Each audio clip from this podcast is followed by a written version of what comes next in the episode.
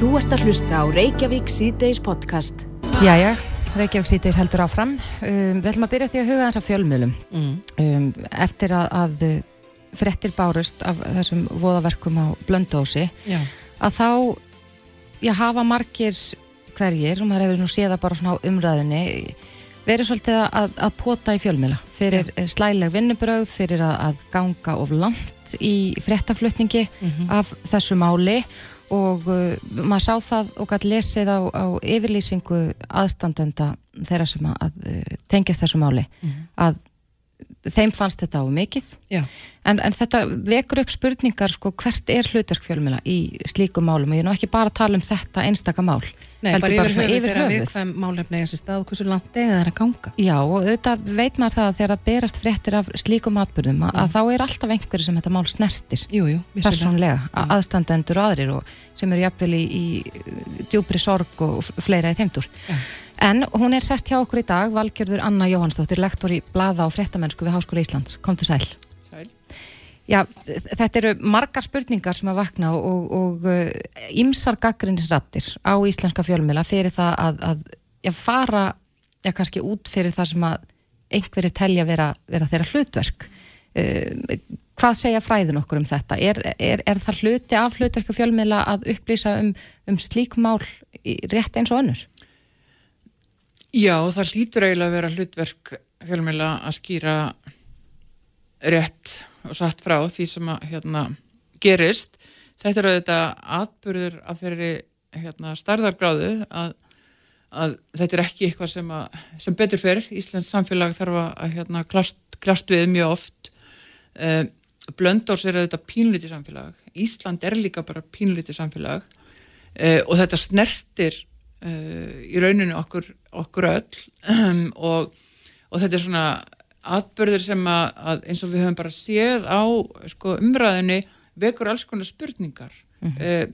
um skotvopna, eign og skotvopna leifi og hvort það þurfa að gera einhverjar breytingar uh, í þeim efnum, þetta verður vakið upp spurningar um, um bara ástandið í, í geðheilbriðismálum þannig að þetta varðar þetta eru stóra spurningar sem að varða allt hérna, samfélagið eh, og er eh, hlutverk fjölmjöla að, að upplýsa okkur um sko, hvað varða nákvæmlega sem, sem gerðist mm. eh, meðal annars eh, líka að spyrja hérna, þá sem að, að svona einhver ábyrg bera eins og til dæmis laurugluna eða helbriðsöföld eh, var eitthvað hægt að gera til þess að, að, að hérna, koma í veg fyrir að, að svona færi um, hvað þurfum við að gera til þess að, að hérna að koma í veg fyrir að svona að gerist aftur, mm. þannig að mhm. þetta er ekki bara eitthvað sem að, sem að snertir bara samfélagið á blöndósi heldur snertir þetta okkur öll uh, og það er hlutverk fjölmjöla, já mm. uh, að fjalla um svona mál eiga að sjálfsögða að gera það vel og, og vandlega og af sangitni og yfirvögun og mm -hmm. og fréttamann að hveða á um að, að, að, hérna, að það skuli sína nærgætni í viðkvæmum málum og, og, og þar framöndi gödum en, en það skiptir bara gríðalegu máli að fólk fái upplýsingar að við fáum öll, að samfélagið allt fái upplýsingar. Og, og hérna, ég held ég verið að taka bara undir með, með, með hérna, Helga Gullnarssoni ábrótafræng sem saði myndi viðtali held ég hér við við, við vísi sko að, að það er bara leikilatriði að, að hérna að við öll, almenningur, við fáum bara greinangorðar mhm. upplýsingar um hvað var það sem raunverulega gerðist þarna Einmitt, En er einhver ákveðin lína sem að fjölmeilar meg ekki stíga yfir í sambandi eins og við friðhelgi hjá fólki og annað? Er ekkert svona skrifað? Nei, og verður nú kannski alltaf að meta bara í, í, í hverju tilviki fyrir sig sko, hvað mm er það nákvæmlega sem á erindi við, við almenning og, og, og, og hvað ekki. Um, eins og ég segi það eru þarna ákvaði í, í síðarreglunum um að, að gæta hérna um, og vera nærgætin í, í erfiðum álum ég get auðvitað ekki sko sagt um þetta einstakka mál hvort að menn hafi ykkur um tilökum farið yfir eitthvað, stryk þar, ég þekki bara ekki þau Nei. samskipti alla jafna hins vegar treyst ég mig til að segja að, að íslenskir bláðafréttamenn eru ekki e, svona þeir hrækamar sem að fólk stundum vil hérna, vera láta og, og eru almennt e, í til dæmis alþjóðlegum samanbyrði mm -hmm. e, mun hérna svona nærgætnari og, og, og síður ágengir í málum af þessu tægi heldur, heldur við sjáum í, í löndum í kringum okkur. Mm -hmm. Er það, er, er um, sjá, við, við þekkjum þetta nú kannski bara bíómyndum ef maður ber sama við það sem maður sér svona já þar er við hér á landi göngu við skemur má segja. Já, svona heilt yfir. Þa, þá hérna gerum við það. Ég held að hérna það er til svo margar góða bíómyndur um bladamennsku og ég er ekkit alveg vissum að, eða þar sem að bladaminn er í aðhaldverki og ég er nú ekki vissum að það er gefið alltaf endilega uh, mjög rétt að mynd af svona daglegum starfum en, en hérna svona allajafna að þá eru íslenski bladafréttamenn ekkit rosalega aðgangsharðir eða óvagnir í, í svona málum. Mm -hmm. þegar, þegar það snýra ykkur um svona uh, hérna uh, harmlegjum og, og hérna en að sömuleiti get ég alveg skilið sko að, að þeir sem eru og nú eins og segja er ég bara að tala almennt að ég, ég þekk ekki hérna þessi samskipti þannig að blönda sig uh, að, að hérna að, að þeir sem eru í ringiðu svona atbyrða geta sjálfsögðu sko upplifað sig eins og þeir séu umsetnir og fái engan, engan frið en, en það er kannski ég meina fjölmjölarnir eru nokkrir Jú. þannig að þú ert kannski að fá fimm símdöl en, en þau eru öll frá sittkorum miðlunum og, og hérna og, og fréttamaður á ekki fyrirfram að ákveða það að ykkur vilja ekki tala við hann. Ég meina við þekkjum þetta mörg dæmi þar sem fólk hefur lendi í áföllum eða, eða upplifað eitthvað, eitthvað hræðilegt og það hefur viljað tala um það. Mm -hmm. þannig að hérna að það hefðu mér fundið svolítið skríti vinnubröðu ef að bara allir fréttamenn allstar hefðu ákveðið að reyna ekkert einu sinni. Uh, að hafa hérna, samband og, og, og aðtuga hvort að fólk vildi mm -hmm. tala. Þannig að við verðum í raunin að fjalla um náttúrulega sorgleg mál jamt og gleðileg. Þa, það, og upplýs, það er bara upplýsa almenning um. ég meina bara rétt eins og lauruglan uh, og, og hérna og mér finnst stundum eins og sko já, ég veit svo mikið hvað ég á að segja eh, hvort að ég á að segja að fólk gerir sér ekki grein fyrir en ég veit að þetta er oft sko bladamennu mjög erfitt að þurfa að gera þetta mm -hmm. en það er bara partur af vinnum já. Já, en eh, sko nú hefur bara fyrst og myndist nú að Helga Gunnlauson hérna á hana að, að það er auðvitað líka hlutverk lauruglunar mm. og að, að jafnvel ég hafa skilning á, á, á störfum blada fréttamanna að, að veita upplýsingar jafnvel þó að það sé ekki endilega mjög nákvæmar en, en að halda uh, samfélaginu upplýstu með þessum hætti og, og, og fjölmiðlarnir síðan miðlaði áfram. Mm. Uh, mættu við gera betur í þeim efnum? Sko, til dæmis í þessu tildakna dæmi, þá, þá hérna hefur manni fundist skorta verulega upp á það að það fáist einhverjar upplýsingar frá uh, lauruglu embættinu mm. fyrir norðan. Það er að segja lauruglu embættinu á Akureyri. Það var nú viðtali gær við hérna lauruglunu stjórun hérna nær sem að sem að gattalað og, og, hérna, og, og veitt upplýsingar en, en fer hins vegar ekki með sko forræður ansóknunarinn og ég hérna já, mér hefur fundist að það vanta verulega upp á það að, að hérna að þær upplýsingar kemur, ég held að sé engin að byggja um að það sé sko verið að upplýsa um eitthvað sem að myndi verða til að spilla hérna rannsóknar hagsmunum eins og það er orðað en, en að það sé hægt að, að veita einhverjar upplýsingar og maður, maður sér það svo sem oft og mér hefur stundum fundist sko almannavarnakerfið okkar um mitt vera svona gott dæmi um þar verðast mann bara hafa tekið þann pólinn í hæðina að, að það bara ber að veita upplýsingar eh, og fjölmjölar eru líkilatriði í að koma þeim upplýsingum á framfari mm -hmm. Uh, og, og uh, þeir bara miðla frekar meira en minna og segja þá stundum bara get ekki svara því eða á þessari stundu er ekki hægt að svara því af því að það er eitthvað einhverju rannsóknar hagsmunir eða eitthvað mm -hmm. en að bara reynd veist, nei, það er ekkert engin miðtöl ekkert mm. er held ég ekki leiðin í, í erfiðum álum á þessu tægi. Nei, en, en um, maður, það virðist líka vera eins og að það gæti ákveðin miskilings fjölmiðlar byrtu þetta ekkit allt sem að þeir hafa undir hundum. Nei, nei, nei. Það er alltaf lagt mat á það já, hverju sinni hvað telst eða erindi við almenning. Hvað, hvað á erindi, já, já. já það er hérna. En, en hefur verið mm. einhver þróun hér á landi í það átt að við sem að færa okkur meira í áttina einhverju æsifréttamennsku? Eða eru við fremur hóf, hófstilt enn? Sko það fyrir auðvitað kannski alltaf eftir í við hvað maður ætlar að, ætlar að miða sko mm -hmm. uh, og, og hérna æsifréttamennska, ég meina það eru auðvitað sko samkeppnin um aðtikli mm -hmm. er alltaf að verða harðari og harðari uh, og, og hérna og, og Það fyrir líka eftir fjölmiðlum, er það ekki?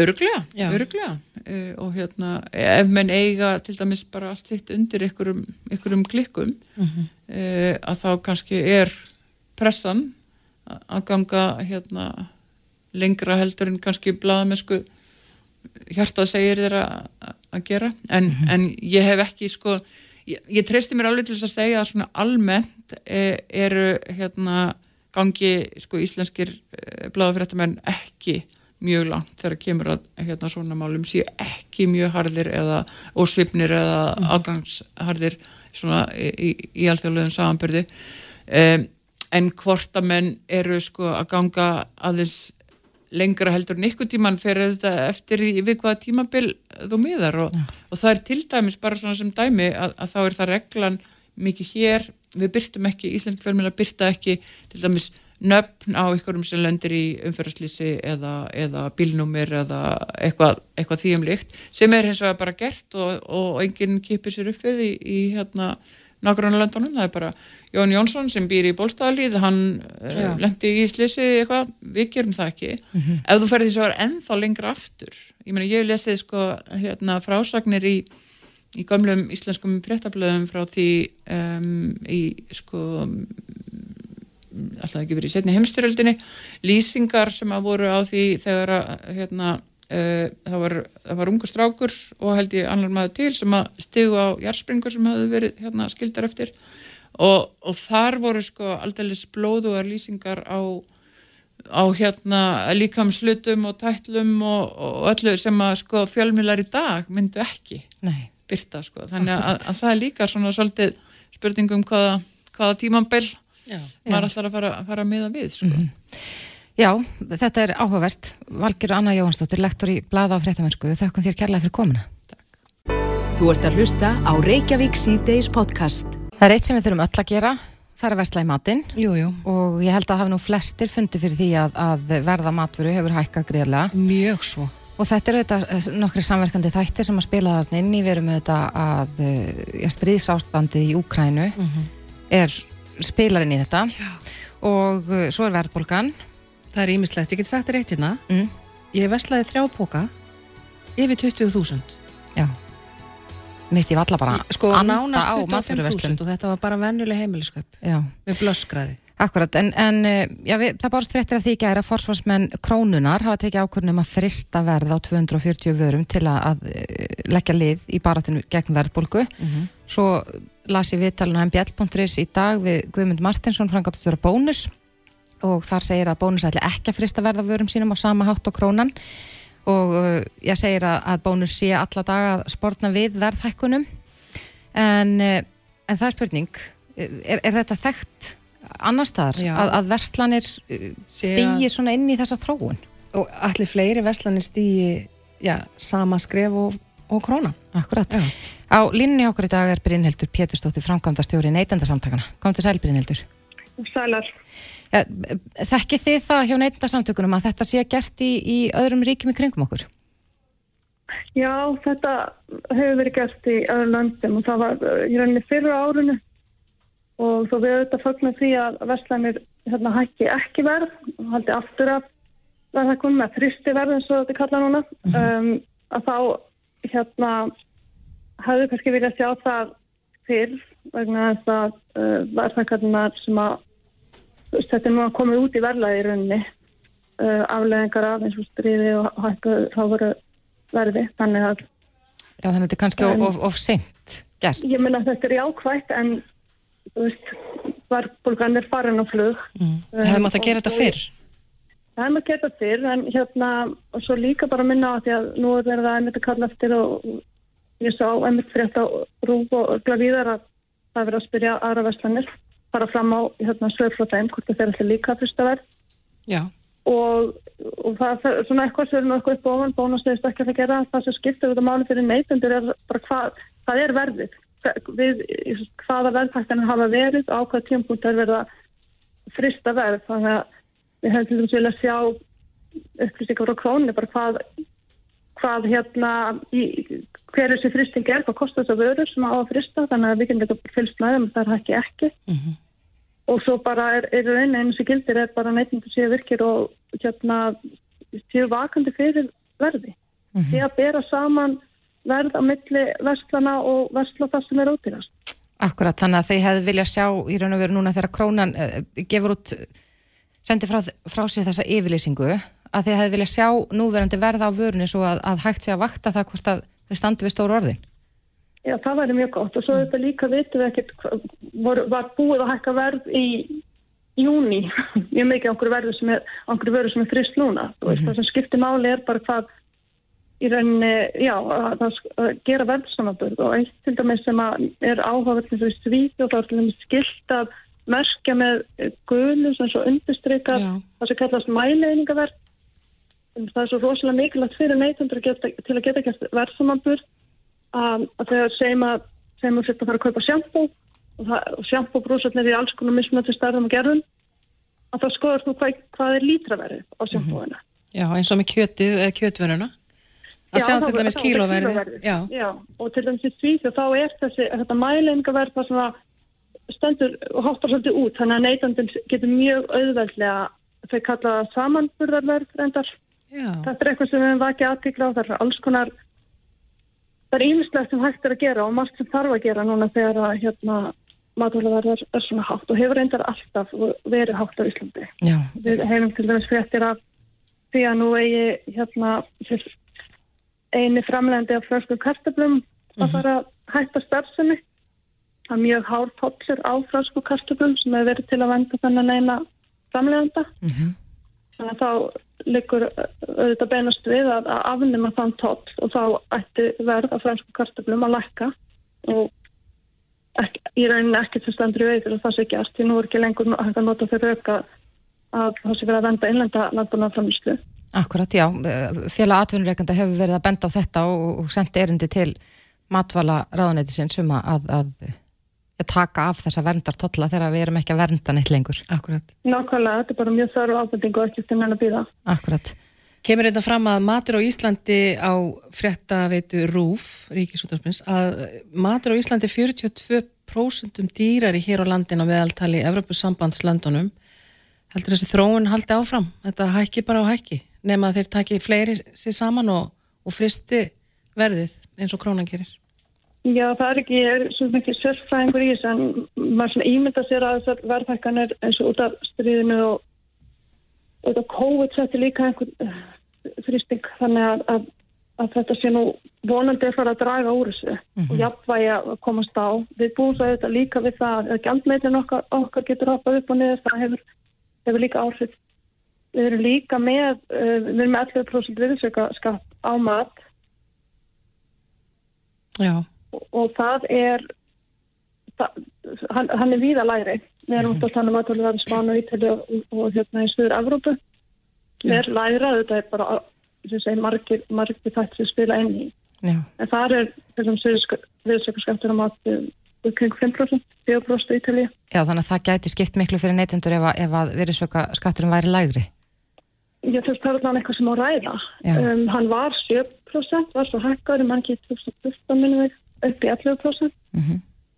um, og í landi þar sem að eru ymsar ástæður fyrir háu matalverði, við erum með vendarstöfnur, með tollalandbúnaður, við erum lítilega í allarhafið, þá þarf að, þú veist, lítja aðfaldingað, mat og fóður og annað, þannig að við erum dreifð til einhverju leiti og maður sér ekki að auka eða vissulega höfðbúkarsvæðinu það eru svo mörg atrið þannig að við ættum við raunin að gera allt sem við getum til þess að lækka matalverð. Neður er lækkun á virðsökskatta matali, það er það skattalækkun, það er minna sem kemur inn að taka það einhverstað annar staðar. Mm -hmm. en, en það voru umræð, eða já, var verið að ræða um það í, í hérna, samtöku neytunda. Öll neytunda samtöku í Evrópu eru er, hérna, félagur í þessum samtökum að það voru verið að ræða það í fyrri sömar, það var einhver lönd sem voru að hugsa um að hérna, afnema virðsökkaskatta á grannmeti og ávöxtum um, tímaböndi jafnvel vegna þess að það var bara að hafa ágjör af því að fólk myndi ekki hafa efni á að kaupa það á hotveri matvæli. Nei, það er nú... Það er nú hvernig þetta fór, sko. Þetta var eitthvað að tala með í Hollandi og Hollandi og, og víðar. Akkurat, það er nú ekki langt sen að bárust fréttir af því að, að, að já, það væri ekkit, ekkit ólíklegt að, að fólk fara að leita í ódýrari matvöru eins og bjúu eða fiskibólur í dós og svona unnin mat já, til út að hann kostar hreinlega minna. Já, nákvæmlega. Þetta er alveg eitthvað sem er alveg ástæð til að ágjur af að, mm -hmm. um, að hátt matarverð og síhækkandur matarverð þrýsti þeim sem minnst það á milli handana yfir í meira önnin matvæli og óhaldari matvæli og þetta er bara líðarinn á líka. Þannig að það er, maður hýmda sér allan að byggjastjórnina hafi mörg hortna að líta hvað þetta varðar og er náttúrulega sem að svara því þegar þingjum við saman hvernig ábræðast stuðu þessu. Akkurat. En sko Brynildur, svo er annað sem hefur verið svolítið mikið með tannana fólki er að að þessar matveru verslanir hafa auðvitað verið að þróast greiðlega mikið á síðustu árum og nú eru við mörg hver farin að nýta okkur sjálfsafgriðslu kassa í hvert skipti sem við kaupum í matin og uh, það eru komnar verslanir þar sem að þú afgreðir þig bara alfarið sjálfur. Minni þjónusta. Minni þjónusta, en við sjáum það hins vegar ekkert í vöruverðinu. Nei, nákvæmlega, sem ætti að skila sér í, í vöruverði og þetta, þetta, þetta getur verið flókið og það var samkjömseftildi gáð skýrslu 2015 því hétt hvað hétt hún? Samkjöfn og dagurumarkaða minni mig. Að því samkjömseftildi hefur bæðiríkar heimiltil til að, að, að skoða kall eftir gognum og, og hefur svo það hlutverk að, að fylgjast með að sé eftirlit nei að hérna samkjöfni sé næg á markaði. Mm -hmm. og fór þar yfir alls konar þætti sem spila inn í hátt vöruverð sem getur, getur verið aflegging af uh, ónægri samkjöfni mann finnst það eiginlega að vera komin tími til að gera aftur einhverja, einhverja svona úttækt eins og þið segi, hvernig ætti þetta ekki að skila sér í lagra vöruverði? Ég til dæmis oft velti fyrir mér þessi langi opnum tími um, eru við til dæmis líka hérna á Íslandi með hátt hlutfall af bara vestlunar fermetrum? Mm -hmm. margar vestlanir þú veist, allt kostar þetta. Já Veist, þetta er svona, ég, ég, ég ekki sé svör við þessum spurningum en, en þetta er allt eitthvað sem er hægt að rannsaka og Já. við eiginlega þyrstum að maður myndi vilja sjá svör. Skoða þetta allan að betur? Já, ég held að það sé alveg komið tím til að hérna, að samkjömseftir liti kannski gerir framhaldsskíslu. Akkurat. Já, við skulum vona að allavega að verðið hækki ekki mikið meira en það mjög margir sem að finna fyrir þessu í heimilsbókaldinu, jafnvel allir. Og veskið, það verður alltaf þinnra og þinnra. Akkurat. Brynhildur Pétursdóttir, framkvæmdastjóri neytandarsamtakana. Kæra þakki fyrir þetta. Takk sem leiðis. Þetta er Reykjavík C-Days podcast. Nú er klukkan farin að ganga 6 mm -hmm. og við ætlum að halda fyrir mér Reykjavík C-Days og snú okkur aðeins að íþróttum, má segja. Ja. Sko, margir myndu kannski halda þegar að, að það fyrir að hausta, þá fyrir fólk kannski að slaka á í öllum þessum utanvega hlaupum og, og þessum keppnum. Reykjavík marathónu varum síðustu helgi. Já en ég held nú síður, það er ekki hægt að hætta strax. Uh, í dag er mjög skemmtilegt hlaup. Já, ég verð nú að segja mér þetta eitt að áhugaverðasta og mest spennandi sko, spennandi íþróttaviðbyrður af öllum öðrum ólöstuðum. Já, takk fyrir. Þetta er hundarhlaup Já og þarna skilst mér að, að þetta sé sko 5 km leið þar sem maður leipur með hundin sinn. Já. og þetta er nú bara ræst núna eftir tæpan klukkutíma. Einmitt. en svo er vikingamótaröðin líka í fullungági og það er stutt í um, Kíja Gullringin Já, hjóla Já. og svo er líka stutt í, í eldslóðuna ég ætla að taka þátt í því en ég þarf því miður að fara í brúðköp saman dag. Já Ég er ekki alveg viss með hvað eldslóðin er. Eldslóðin er bara mjög skemmtilegt utanvegarhlaup. Já, já. En á línni okkur í dag er hann Þórir Erlingsson sem er talsmaður og framkvæmdastjóri vikingamótar aðeinar. Komdu sæl. Sælverði, sælar. Já, getur við byrjað aðeins að tala um hundarhlaupið út af að þú ert að, ert að fara að ræsa það eftir tæpan klukkutíma. Já, ég get alltaf, alltaf að tala um, gaman að tala um eitthvað svona skemmtilega viðbyrði og við byrjum með hundarleipin núna klukkan 6 og það eru 90 hundar og eigendur þess að þeirra sem ætla að hlaupa hana hvort 2 km eða 5 km og, og það er bara myndað hérna alveg gríðarlega stemming í kringum þetta. Ég skal trúa því og þetta hefur... Við, við fórum á stað með þetta með, með UMSK og Ungbarnafélag Íslands og það eru, hvað fyrir þetta reymum tögum voru 20 skráður en 90 ætla að taka það núna. En er þetta ekki fyrsta sinn sem að þetta hundalöp fer fram? Þetta er bara nýtt og, og, og með að við hérna, mótökurnar þá held ég að þetta sé alveg ljósta. Þetta er eitthvað sem er komið til að vera. Já, Eh, sko, ég velti því aðeins fyrir mér, ég, ég átta mig á því að allir hundar geta hlaupið, en, en þarf maður að þjálfa hundin sín að hlaupa svona langar vegalengdir, eins og 5 Ég held, km? að, ég, ég held að það sé bara alveg eins með hundin og okkur að við þurfum að vera í þjálfur. Já, Það getur líka yfirleitt flest allir menn hlaupið, það er bara spurning eftir til að þjálfa þetta til þess. já, ég spyr vegna þess að ég ætlaði eins og að gera sýstur minni greiða og fara út að hlaupa með hundurina, svona að viðra Varstu sko, að sprengja greið hundin? Nei, hún, hún hljóp með mig svona 700 metra og svo bara stoppað hún og ég hugsaði, hvað ætla þessi að þessum hundi? Getur hann ekki hlaupið? Og svo náttúrulega áttaði ég með því að, að það hafa ekkit endilega allir hundar verið þjálfaðir í slíku. Nei, þe- þetta er bara eins og með allt, saman hvort það séu hundar eða fólk eða hestar eða hvað það er, þetta er allt þjálfunum við. En svo er líka þetta rölda svona, sé ég hérna, 2 km með hundin svona í... Já, 5 Rólegheit. km, 5 km leiðin er með tímatöku og, og það er bara númer og, og, og tímatöku búnaður sem, sem mælir það. En, en 2 km er svona freka kannski hugsa sem skemmti Já. sko okkur þá sem er að byrja. Rosa sniðu hugmynd. Verður örgulega aftur á ári. Það ég, bara, ég efast ekki um það. En, en nú er líka stutt í, í þessi, þessa viðburði í vikingamóturöðinni. Það, það eru Um. þrýr, þrýr viðbyrði framöndan okkur vikingamótaröðinni núna Ok, segðu okkur frá þeim. og, og, og fyrsti er núna á lögadaginn. Það er landsnett fjallahjólamót Mm sem hefst við skíðaskálinni hverjadölum upp úr eitt á lögadaginn Mhm. og gríðarlega spennandi alltaf að fara þarna á, á fjallahjólunum sínu samankort sér af fjólaflokki eða keppniflokki eða skemmtiflokki. Og, og þú farið að hjóla yfir ár þarna fram og tilbaka og, og þú ferði, það er smá drulla og, og brekkur og allt það sem þarf og, og það er alltaf svo gaman að sjá fólk koma í marku úr fjallahjólamótunum að sérstaklega svona ég vil bara segja menn sem eru aðeins komnir að letast að skeiði. -hmm. og, og fá aðeins að drullum alla og sulla og, og brosið á þeim er alltaf það stórkostlegasta sem Já. mér finnst þegar komið mark. Það er, er virkilega njóta þess. Já, og svo ánæðir. Þetta er- er svo gaman, það er, er svo gaman raunverulega að fá að drullum alla Svona Það er brölt eru þetta bara mjög það- skemmtilegt. það, er- það bara er einhvern veginn þannig sko. Já, en svo styttist líka í, í eldslóðuna sem við rættum aðeins hérna áðan sem er utanvegarlaup sem fer fram í heiðmörk. Já, það er viku setna, þá förum við upp í, upp í Heimörk í Garabæ og upplandi Garabæjar og, og það er 28 km uh, brautar, mjög skemmtileg og, og líka búið upp á 9 og 5 km Mm og það er annan lögadag hérna frá, þá er, er eldslóðin og, og gríðarlega skemmtilega viðbyrður sem við byrjuðum með fyrir nokkrum árum og, og hefur vaksið skemmtilega villi ára. Já, og, En- ég hveti alla til að koma og taka þátt í því saman hvort það séu 5, 9 eða 28 km bara svona eftir hvað þú er stattur í þessum hlaupa heimi. Mm finnið þið fyrir því, sko, nú var mikið talað um það hérna í, í, í heimsfaraldri að, að fólk fór svolítið að reyma á sér hlaupaskónu eða fóra að stunda meiri útivist hvort sem það var á hjólum eða hlaupandi eða gangandi. Finnið fyrir auknum áhuga á svona viðburðum uh, svona núna eftir að við höfum gengið gegnum þetta leiðinlega tímabil?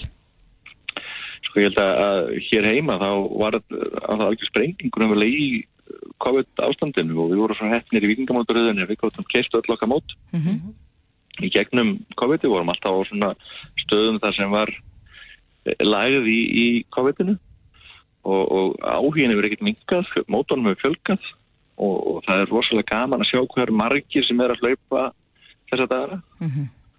og, og ég held að við sjáum líka bara það sem er í gangi ellendis, hér er fullt af íslendingu núna ellendis að keppa. Og, hópurinn fer stækkandi og stækkandi og, og sérstaklega í utanvegarleipunum Eh, það, þar virðist vera þessi mikla aukning raunverulega um, sem kannski færrir að koma í göttulöpin Mhm. en fleiri í utanvegarlöpin og, og það er náttúrulega er ekkit skemmtilega heldur en að hlaupa út í íslensku náttúru nei, nákvæmlega. akkurat en, en svo er Ég það, ætla að prófa það já ég tek undir með þér, en, en svo er það eh, Kía gullringurinn Já, sér að 10. september þá er, er, er ekki eitthvað ringurinn í ásælfósi og, og það er gríðilega spennandi e, keppni þar að vanda og þetta er annað árið sem við erum með þetta á Selfossi eða í Ármorg mm -hmm.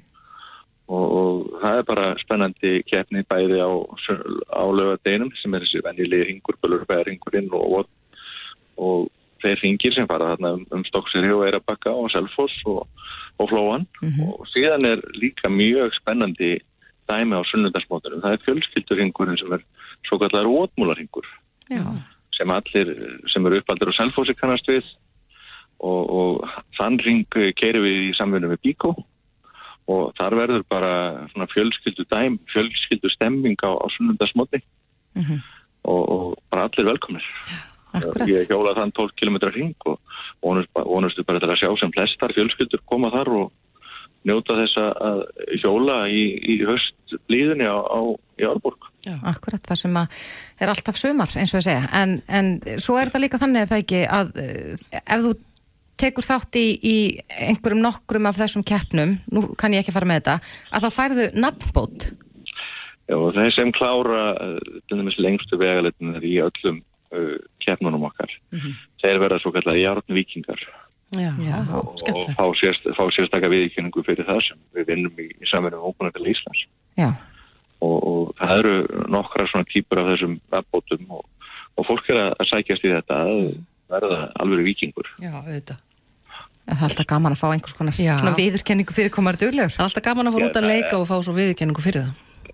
Hva, hvað er betra en að fara út að leika og fá viðurkenningu? Ná, hvað er það að sé bara nánast ekki neitt? Kans, kannski ef að gott veður væri líka þá myndir þetta toppa það Já, en síðan er sko svo merkilegt að, að þó að veðri sé ekki alltaf að leika við okkur mm.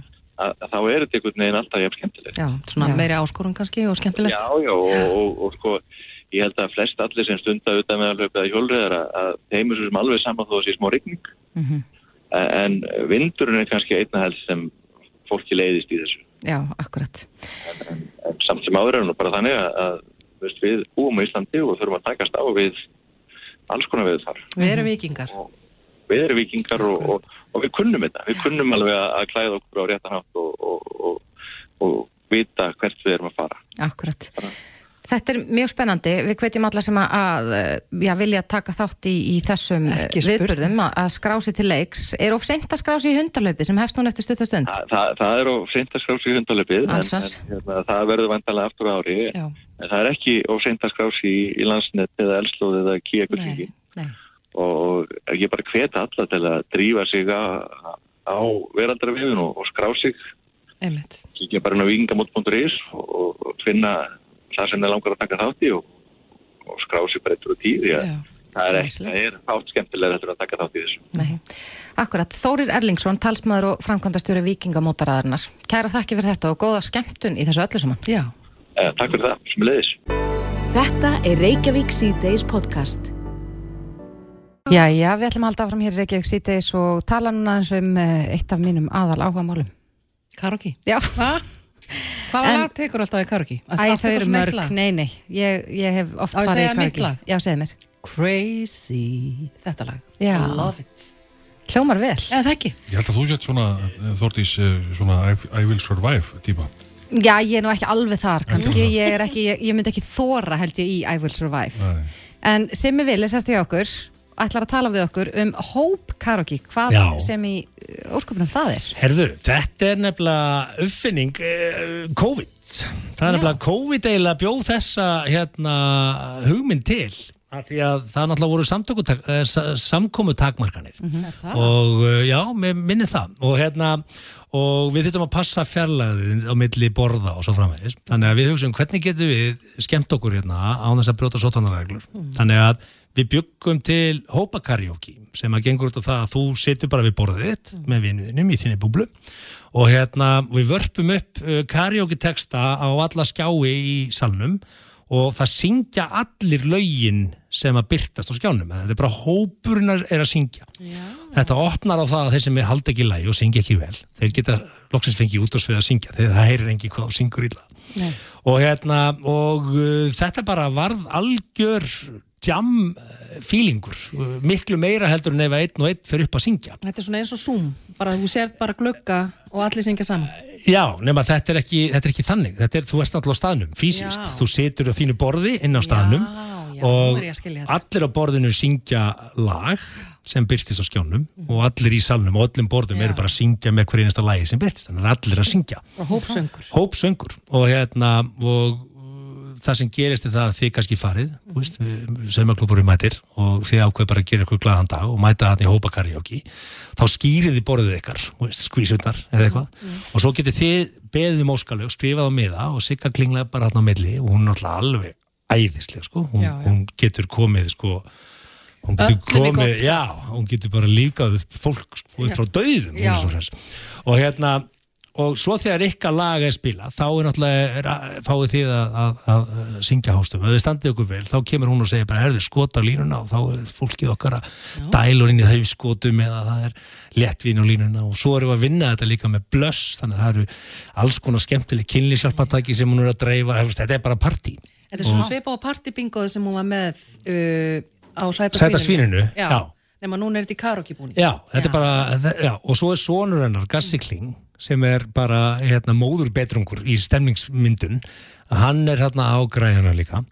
Og já, ég er svona, veist, það er ekki hægt að lýsa þessu nema að þú sjáur þetta. Við erum bara að mæta. Já, og þetta hefur nú spurst ágætlega út og ég held að ég fari rétt með að við erum að verða full bókuð á morgun. Við Já, tökum á föstudögum. 200 manns uh, Já, til ok. 250 manns í seti. En sko verður þetta ekki bara læti? Ég er svona áhugir af því að vera allir að syngja einu og fólk syngur eitthvað misvel. Já, bara garg. Að því að sko laglínan heldur sér sko Já. þú veist, ef, ef þú tekur Sweet Caroline og þú gæti ekki að syngja þá ertu nærið svona að fylgja sko nei, nei, þetta verður mjög skemmtilegt Eru og allir sem fá mikrofón? Nei. allir með eitt bara það saman? er engin með mikrofón Nei. að því að þegar allir syngja þá þarf ekki mikrofón Nei, það er rétt. og, og hérna tónlistin er hátt stilt Mhm. og við ætlum að byrja að leika þetta bara um uh, hálf nýju, nýju og þetta getur ekki þú getur ekki byrjað kvöld Mhm.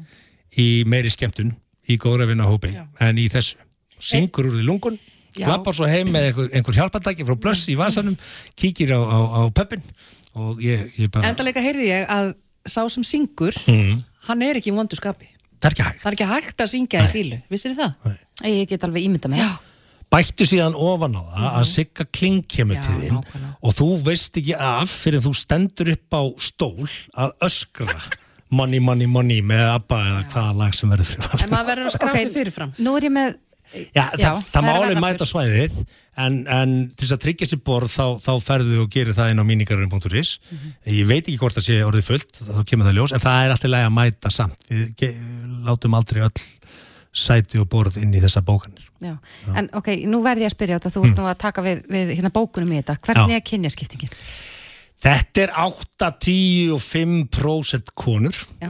og hérna sem gerir þetta bara enn skemmtilega og hérna, já ég held að ég geti svona sagt það alveg með vissu, hinga til við höfum, haldið nokkur svona kvöld. Ekki í mínikarunum, við heldum þetta á Barjón Mósó sem er svona minni staður. Þannig að við erum að gera þetta í aðeins stærri búning núna og ég held að hérna, stemningi verði bara enn meiri. Já. þannig að já, ég, það, það er er þetta mikið komið um til að konur.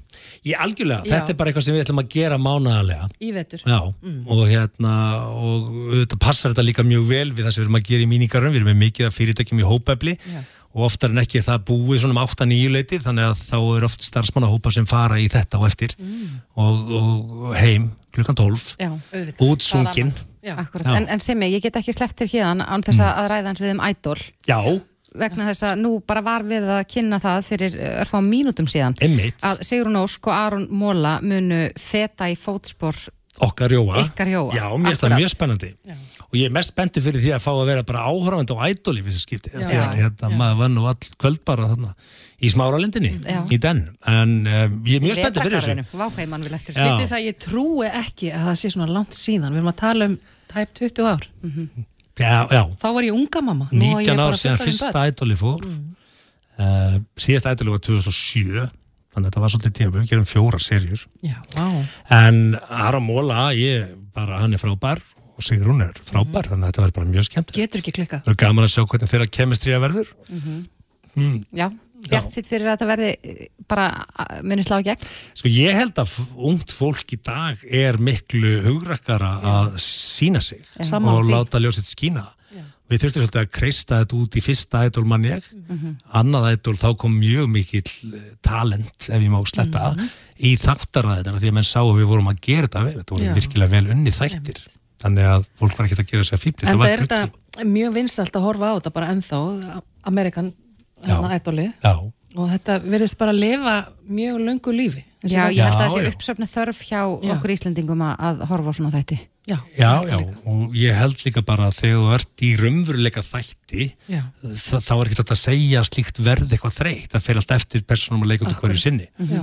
þú veist, ef þú ert með góða efnilega söngvara þá verður þetta góða þættir Og maður er manns gaman, okkur, okkur þykir gaman að horfa á aðra. Það Já. er bara þannig. já, og halda með einhverjum og veist, gaman líka að sjá vonir bresta, veist, þetta er allir tilfinningar sko. Þannig að já, ég slakka bara til að poppa og, og, og horfa á þetta í sófanum. Já, en uh, hópa Já. verður í mínigarnum á morgun og uh, mánaðarlega segir já, þetta Þeir sem klálega komast ekki að á morgun geta það komið er síðar. nú annað úti, það er september svo Já. oktober og svo tökum við jóla átíðina og Ó, þetta er allt spennandi. saman Já, Gaman, já. já. Sigmar Viljánsson, kæra þakki fyrir komuna Reykjavík síðdeis á Bilginni podcast. Fastegnafréttir í Reykjavík síðdeis er í bóði Pálsson fastegnasölu. Heima er best. Já, já, áðan vorum við nú að tala um matvöru verð Mm. og matarinnköp, það Jú, er eitthvað sem við þurfum öll að gera en við þurfum líka öll að eiga heimili Til að geta eldað. Já, akkurat Já, já.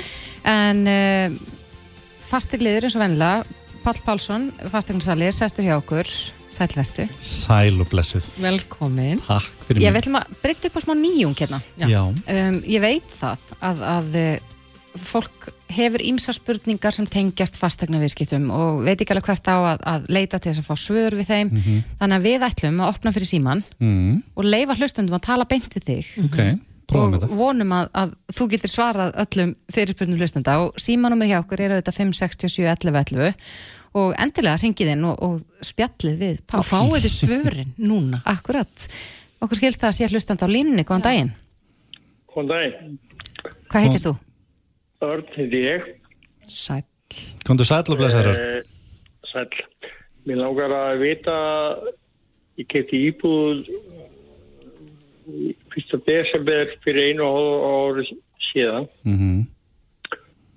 og það komið ljósa í geimslunni eru svakaðega lofthúður mm. og sem ekki var kynnt fyrir okkur. Ok. Ertu með spurningu þá? Já, ég meina það er frost á vetunar inn í geimslunni hjá okkur Mm -hmm. Og hefur áhyggjur af því að það er verið að vera að leina einhverjum upplýsingum eða eitthvað slíkt? það er bara, bara verið að reyna upplýsingum okkur var ekki kynnt þetta Mm. við erum með málverk hérna niðri sem að bara liggjundur skemmtum Mm. Mm -hmm. hvaða kröfur hef ég Sko, það er unn veru tvennskonar, sko, í fyrsta lagi er einum staði í lögunum það sem segir að til þess að galli sé galli, þá þarf hann að nema 10% af verðmætti eignarinnar. Uh, svo til annar staði í lögunum þar sem að, uh, sko, það sem er vísæri upplýsingaskildu seljandans vegna þess að það eru mikla kröfur á seljanda að gefa upp ákveðnar upplýsingar um ástand og gæði eignarinnar. Og ef að þær upplýsingar hafa ekki leiði fyrir að, og þá er raun og veru sönnuna byrði kaupandans í þessu til því þín að sanna það að seljandi hafi vitað með einhverjum hætti uh, nú þekki ég ekki nákvæmlega þitt mál.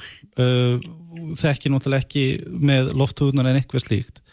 En ef að það kemur, þá tala ég bara svona almennt að til dæmis ef það kemur upp til dæmis uh, sé þekkt einhver raki eða leki í einhverju húsi segjum bara fjölbyrjushúsi þetta er búið að vera vandamál eða vandraði í húsinu viðkomandi selur upplýsir ekki um þetta nýr aðili kemur inn uh, fær semst upplýsingar um þennan raka eða leka sem að seljandin átti eða mátti vita að og, sá, og það sé kostnaður sem fer beint á þá íbúð þá hefur þúrunur rétt og kröfu á uh, á seljandan sem nemur þessum kostnaði en það er þitt að sanna það að hann hafi vitað eða mátt vita það. Þetta er nýtt hús.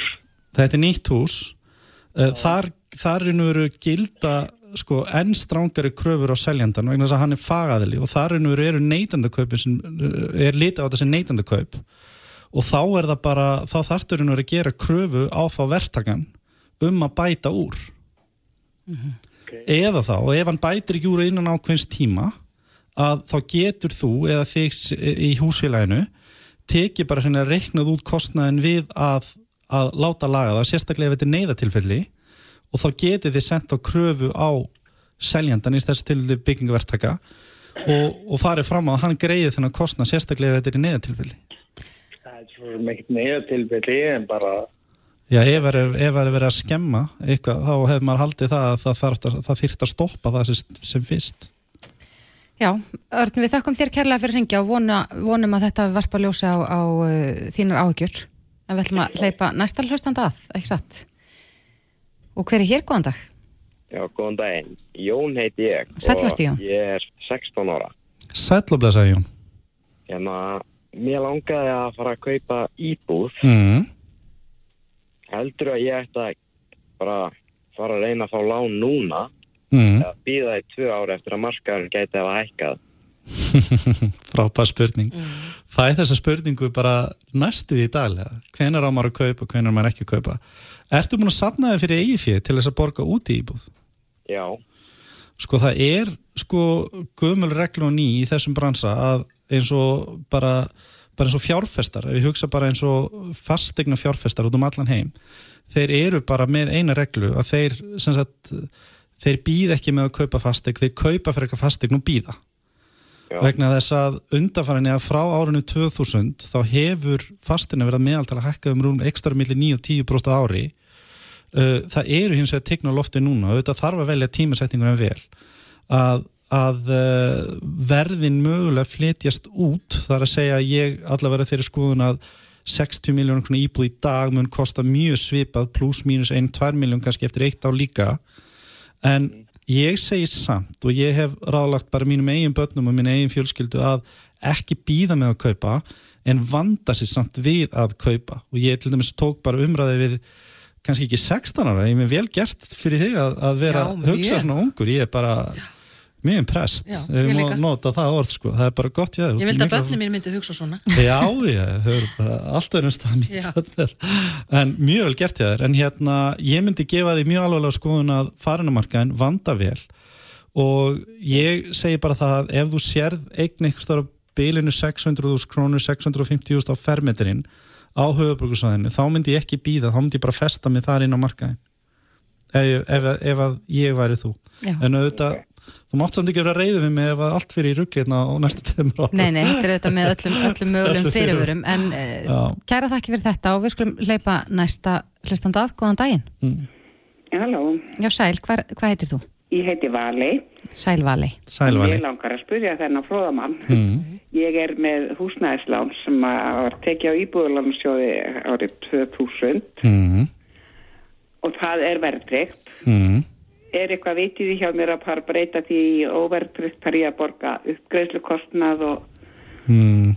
til að breyta því í óverðtryggt eða, eða er það eitthvað vitið að hvað á ég að gera? Sko, ef að þú ert með það, þá ertu búin að eiga lánið vantalið í 22 ár Já, Hvað er það til langs tíma?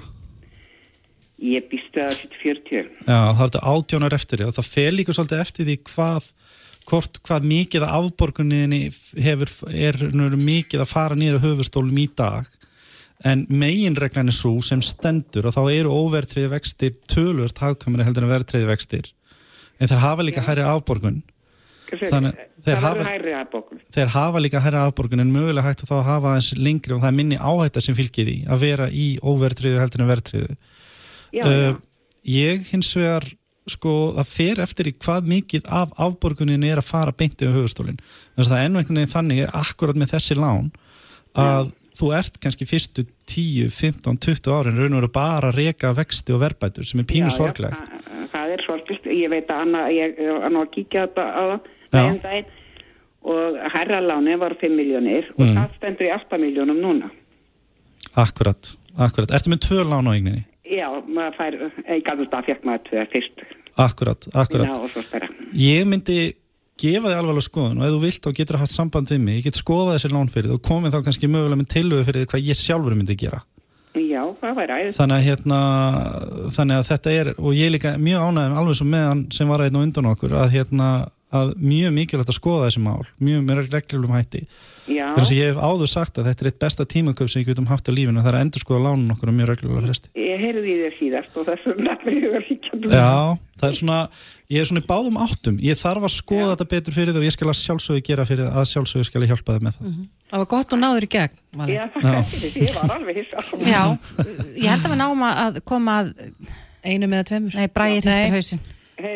ég en hvernig hef ég samband við það? Herðu, kíktu bara á mig farðu bara inn á pálssonfasteignarsala.is og þar sérðu símanúmerið mitt og heyrðu bara í mér Pálsson.is pálssonfasteignarsala.is, það er allir stafirnir pálsson.is var ekki löst Já, þannig að það er Pálsson Þannig að- fasteignarsala Ég reyndi mikið að fá það, það, bara, það var ekki séns. Pálssonfasteignarsala.is Já, og símanúmerið mitt er þar og ég skal bara hjálpa þið með þetta. Minnst af vandum. Takk fyrir að syngja Vali. Já, Takk. Já, sko, Páll, ég held að við hefum þurft að hafa þetta í 40 mínútur. En það er skemmtilegt að Já, það er brjóta þetta svona greinilegt að fólk vill ringja inn og, og, Já. og fá aðeins að heyri þér og, og fá svona hagnýtráð með hitt og þetta. Mm. Við gerum þetta aftur eftir eitt mánuð. Herru, bara Er það til ég, ekki? ekki þú, þú spurning kemur eftir mánuð og við ræðum þetta eða sérst, opnum aftur fyrir síman en við munum að sjálfsög sjá þið aftur í næstu viku. Jú, Já, mikil óskup nákvæmlega. En annars er þetta mikið að frétta fastegna markaðanum eins og alltaf, stýrivægsta hækkanir í gær og, og, og uh, ég talaði um að markaðurum sé að kólna. Hann er að kólna því leitinu til að verðin mögulega er hægt að hækka. Það hægt að hækka en þau eru ekki farin að lækka. Mm, er Stendur í fann að stað? Eh, stendur í stað, kannski pluss mínus 1-2% hækkun, lækkun og milli mánada yksta hér og þann en aðalmálið þetta er búið til stöðuleika sem að, og svona jafnvægja milli kaupand og seljandi sem er bara hefur fullkomni markaður.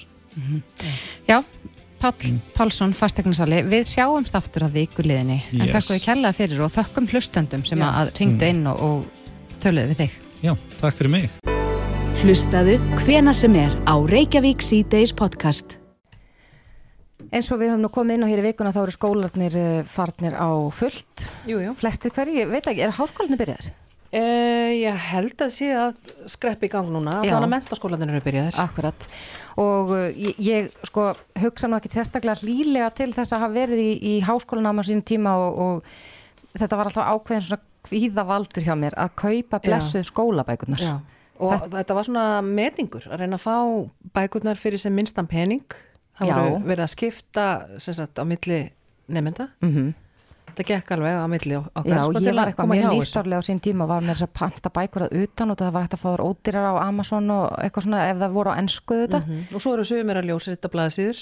Ég, það má þetta ekki. Nei, það gera það samt margir. Maður verður að redda sér. eh, fó- fólk reyna að retta sér. Mér skilst að það séu mikla nýjungar í þessum uh, efnum að það sé meira segja hægt að sko ég leia námsbækurnar fyrir tölvöld minna verð. Þú getur bara sparaðir fúlgur fjár á hverju skólaári. Ef það hefði nú verið til þegar við vorum í skóla. Nákvæmlega, ef ekki bara skella okkur aftur í skóla.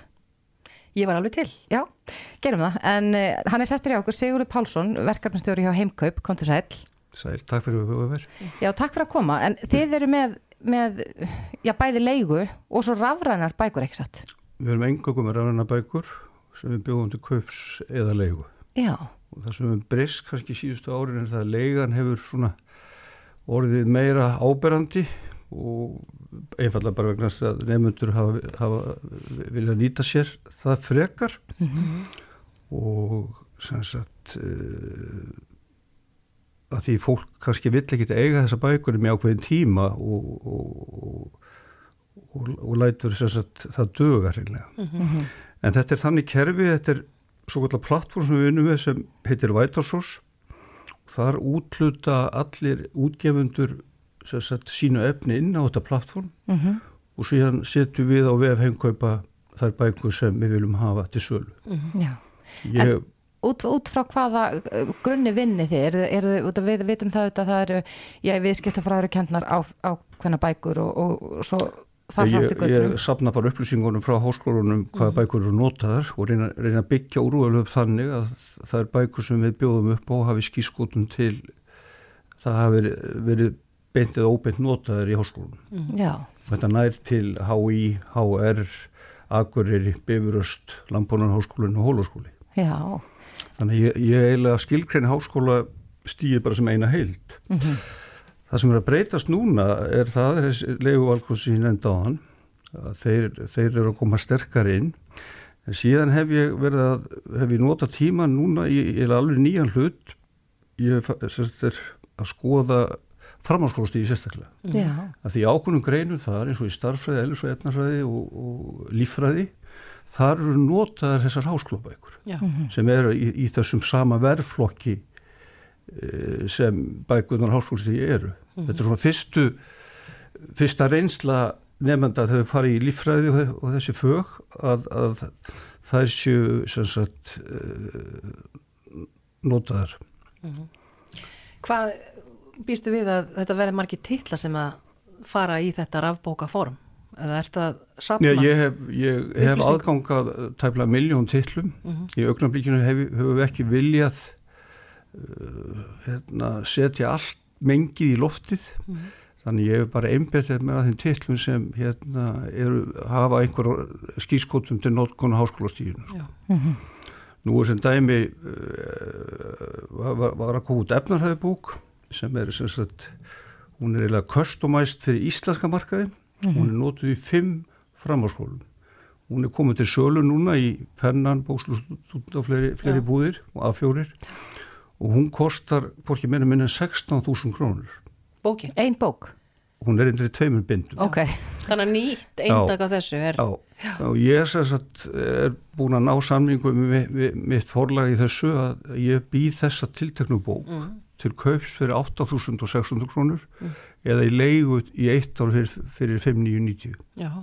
Já, þú, og svo nota sko- maður þetta líklega Já, þú sér það sko, ef þetta verður 5.990 og síðan þessi 6.000, þetta er 65% munur. Já. Þannig að, Þannig að þetta er þannig að ég er, að, að er búin að bæta vantarlega svona 15-20 titlum sem engungu hafa skískótun í þetta. Mhm. Þetta er Vestlunarskólin, MR, Hvernarskólin, Metaskólin í Sund og a- a- aðri skólar. Mhm. En nú er ég kannski gamaldags. Ég er, er alveg þannig að, að sko meiri segja þó, þó að að það er ekkert langt síðan ég var í háskóla að þá handskrifaði ég allar glósutna mínar og ég vildi yfirstrika með penna. Mhm. Heyrur það að, að, að fólk já, sem að færi sig yfir í rafrænt fólk sakni þess? Eða Nei, er það er langt? hægt að gera þetta í kerfinu. Kerfi Já. býður, og ætlarsókskerfi býður upp á þessa tækni. Að yfirstrika og... Já, ég menn, þú getur bara sagt, sko, þú merkir textabóð með litum og, og skrifa klósur í rafbókinu og deili sér aðtöðsöndu með, með öðrum nefndum og kennurum sem hafa sumu rafbók. Já. Þess vegna hef ég meðalans lagt áherslu á það að, að byggja upp gott samband við kennarana og láti þeim í tíu kennaraeintök þannig að þeir séu þá með það sama á nefnandin sko. Mhm. og ég fengi gríðalega góð viðblöð við þessu. Já, og þetta hlýtur líka sko, ég man eftir í þeirra að, ég ætla ekki að endarast að tala um mína háskólagöngu en maður auðvitað, ég finnur skýrskotin í sín einn lífi en, en það var oft þannig að, að ég ætlaði kannski að kaupa notaða bók af einhverjum öðrum en Já. þá var það ekki nýjasta útgáfa þannig að Nei, nei, það er þess vegna er leigan að mörgulegt hendu, sko, hún, það kemur þannig fram að það myndar svona ákveðin skurrpunktur. Mhm. Þú sérð ekki ávinningina því að kaupa það nýja bók og selja hana svo, heldur leigur hann sem er á bók í staðis að kaupa hann og selja aftur. Þannig að munurinn á því að kaupa og selja, hann er hugsanlega herri heldur en bara við að leiga bókina. Þá er þetta viðskiptamótulur óþarfi, út af leigunni. En hvað með gaggrínisrattir, neikvæða rattir? Nún eru einhverjur í bóka útgáfu Já, og það lítur að vera einhver óanæja þar vegna þessa. byrju Upp á samkeppni og annað. Ég, Að fólk hætti þá bara nefndur að hætti bara að kaupa bækur. Á það, er, það er náttúrulega bóðið upp á prentaði bækur á áskólastíðinu. Mm. En þú ert að leia þetta út líka. Nei, ég, ég býð þetta bæði út Já. til kaups og leigu. Já, Sko. þannig að það eru bara jákvæðir ströymar Ég, sem það- fylgja já, já, það er það sem eh, fó- fólki vill bara borga minna fyrir já. það er hægt. Nefndur vilja það allavega. Og ég er, er mjög spenntur að fylgjast með því hvernig framhalskólastíðinu taka þessu. Mm. -hmm. Þetta er yfirleitt hópar, þetta er oft þannig að að, að, að feðgin mæta í, í bókabúðuna og, og hann er með verðan hann er með greiðslukortið þannig að, að það, það er ekki ánægja ef það þarf að borga 16 skonum fyrir eina bók Nei, og ekki heldur fyrir fóreldrana sem þarf að Það borga er bækurnar akkurat það sem fyrir. gerist. Já, Já. og fátaka námsmenn Akkurat, og svo er þetta oftast, já nú fleiri en ein bók, allavega á háskólastíðinu þegar maður þarf að kaupa inn fyrir marga áfanga og þá getur þetta hlaupið á, á tugum þúsunda. Já. Leiguformið er, þetta er sem sagt 30 dagar 90 dagar, 120 dagar 180 og 375 dagar sem eru eh, svona algengustu leigu valkostin og svo jafnvel líka skiptibókamarkaðurinn til dæmis hann er mjög dýr líka þannig að skulum vona þetta sé Já, ég svarið. meina það, það, það hefur komið fram skipt í verkunni á ASI að, að, að það sé mikill munur þarna á og verði sem krakka þeir eru að fá fyrir nótubókina er ofta ansi lágt. Já, einmitt. Og þannig að útgjalda munurinn með að kaupa bók í staðinn, Mhm. hann er kannski miklu meiri heldur en menn höfðu væntingar um Mhm. Er, er þið byrjuð á þessu? Hefur þið heyrt frá einhverjum sem að, að, að hefur nýtt sér þetta? í, í fjármálskólanum Já, nei, bara bæði. Hvernig, hvernig tekur fólk í þetta? Bæði á, á Já, það er alveg, það er alveg sprenging í þessu núna sko. já, þetta er aldrei byrjað betur, þannig að þetta farið í gang allt og fullt allt og fullt. Já, þetta er spennandi og ég vona að, að þetta muni nýtast einhverjum. Við erum auðvitað að heyra af verðhækkunum út um allt og, og þá þarf maður að fara að rýna í það hvar maður getur sparað og þetta er einlega til þess. Akkurat. Sigurður Pálsson, verkefnastjóri hjá Heimköp. Kæra þakki fyrir komuna. Já, takk fyrir mig Reykjavík síðdeis á Bilginni podcast.